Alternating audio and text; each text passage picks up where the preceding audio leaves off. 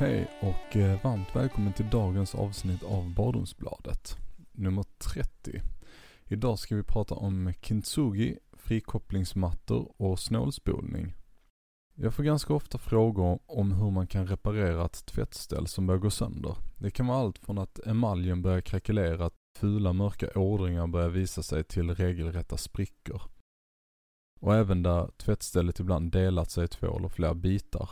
Porslinstvättställ tillverkas av lera eller någon form av keramik som formas och bränns till önskad form.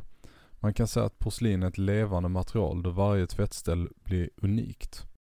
Och det beror på att leran som används aldrig har exakt samma blandning av olika material och fukthalt. Därför händer det ofta att tvättställ och annat porslin går sönder i tillverkningsprocessen.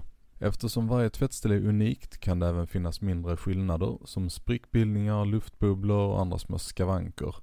Samma sak gäller såklart för emaljen.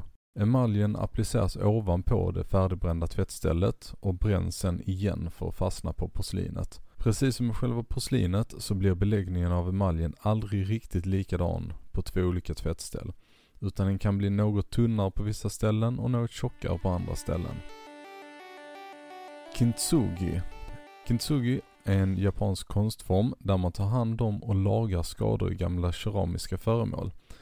Kin betyder guld och tsugi står för fog eller sammanfogning. Tillsammans blir det guldsöm eller guldfog. Bakom begreppet finns en tradition som kallas för wabi-sabi eh, av att hylla det operfekta och det naturliga. Filosofin uppmuntrar oss att finna skönhet i det vardagliga och i slitage samt att omfamna det unika i varje sak. Den betonar närvaro i ögonblicket och att acceptera skavanker som en del av historien och skönheten i allt. Man kan se det som en motreaktion mot den moderna världens fixering vid perfektion, symmetri och det nya. När man bestämt sig för att försöka reparera ett gammalt tvättställ med kintsugi-metoden behöver ytan rengöras ordentligt. Detta för att bindmedlet och färgen ska få ordentligt fäste och kunna tränga in i alla små skåror och porer. Ta sedan någon form av fog, lim eller annat bindmedel som lämpar sig för materialet på tvättstället samt bredden på sprickorna. Ibland behöver man kanske skrapa upp sprickan lite grann och göra den något större för att eh, få en ordentlig yta att fästa på.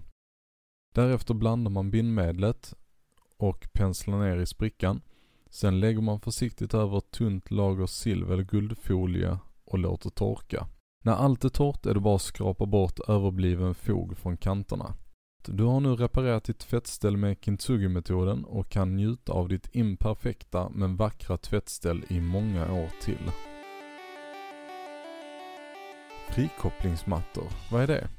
En frikopplingsmatta är normalt sett en armerad plastmatta som läggs ovanpå underlaget man har tänkt lägga klinker på. På mattan lägger man sedan fix och själva plattorna. Eftersom mattan inte fästs i underlaget utan bara läggs på är den frikopplad från det. Då spelar det ingen roll om underlaget skulle röra på sig eller ha sprickor. Mattan håller ihop plattorna så att det inte blir spänningar i fogar och keramik. Varför är frikopplingsmattan då användbar? Frikopplingsmattan innebär i princip att du kan sätta klinker på precis vilket underlag som helst, så länge det är jämnt och fint. Det spelar ingen roll om det är en gammal plastmatta som det annars kan vara svårt att få fäste på. Underlag som tidigare klassats som omöjliga kan återigen plattsättas med en frikopplingsmatta. Det kan vara spruckna underlag, förorenade underlag, rörliga underlag, blandade underlag. En annan fördel med frikopplingsmattan är att det blir betydligt lättare att byta ut klinkers när man tröttnat på stilen. Det är bara att släpa ut hela mattan med alla gamla plattor på och lägga en ny matta istället för rivningsarbete som kostar både tid och pengar. Finns det några hakar med att använda frikopplingsmatta? Mattan är tillverkad av polyeten, vilket är en sorts plast och det finns vissa idag som strävar efter att minska mängden plast i sina hem. Sen eftersom att frikopplingsmattan bygger några millimeter på höjden så bör man ta med det i beräkningarna om det är väldigt känsligt med nivåerna. Sen tillför du ju såklart även en extra kostnad att köpa ytterligare en produkt. Eh, huruvida den kostnaden kan kompenseras med minskad väntetid och arbetstid, det beror på dina omständigheter. Överlag är dock frikopplingsmattan ett stort hjälpmedel till alla dagens platssättare som vill minska risken för att deras arbete ska gå om intet för att underlaget inte är tillräckligt stabilt eller lämpligt att platssätta. Snålspolning, hjälte eller bov? Snålspolning är idag ett av de starkaste säljargumenten från tillverkare på sina WC-stolar. Men vad är det egentligen? Det är precis som det låter. Mindre mängd vatten vid varje spolning. På de flesta moderna WC-stolar kan du välja om du vill spola mycket eller lite. Normalt 2 eller 4 liter. Det kan låta väldigt lite med tanke på att WC-stolarna förr inte sällan använde mer än dubbelt så mycket i varje spolning. Mindre vatten ställer dock högre krav på underhåll och på utformning, så allt som ska ner i avloppet faktiskt hamnar där. Anledningar till att man väljer att tillverka och köpa snålspolande WC-stolar varierar såklart mycket, men framförallt är det energibesparingar. Tanken är att man sparar in på vatten som kräver energi för att renas, så man lägger mindre press på bland annat rening, reningsverken. Vi lever även i en tid när Sveriges befolkning ökar väldigt mycket väldigt snabbt på grund av hög invandring till exempel. De svenska vatten och avloppsnäten är inte byggda för att hantera den här stora ökningen och då är det ett sätt att förebygga större problem att minska mängden massa som flyter genom våra avlopp och vattenledningar. Vem är det då som driver på utvecklingen mot mer snåspolning?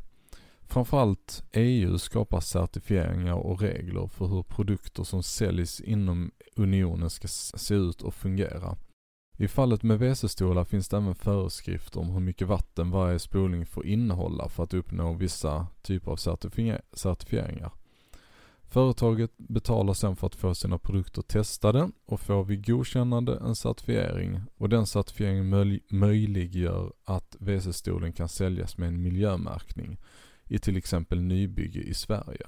När byggbolaget, som sen ska bygga flera nya lägenhetshus, ska välja vilka WC-stolar de ska använda i de nya bostäderna, då kan man få speciella fördelar om man väljer certifierade produkter. Till exempel så finns det flera olika miljömärkningar som gör att man kan söka fördelaktiga bidrag och liknande. Framförallt så kräver en hel del köpare eller hyrtagare att det finns vissa miljömärkningar, till exempel de kommunala och statliga företagen och organisationerna. Vad händer i avloppen då? All energibesparing, energieffektivitet och miljömärkningar är dock inte alltid helt av godo, som med allt annat. I den bästa av världar har vi även avloppssystem som kan hantera ett avloppsflöde med allt mindre mängd vatten i relation till det som ska spolas bort. Så är dock inte fallet för alla i Sverige.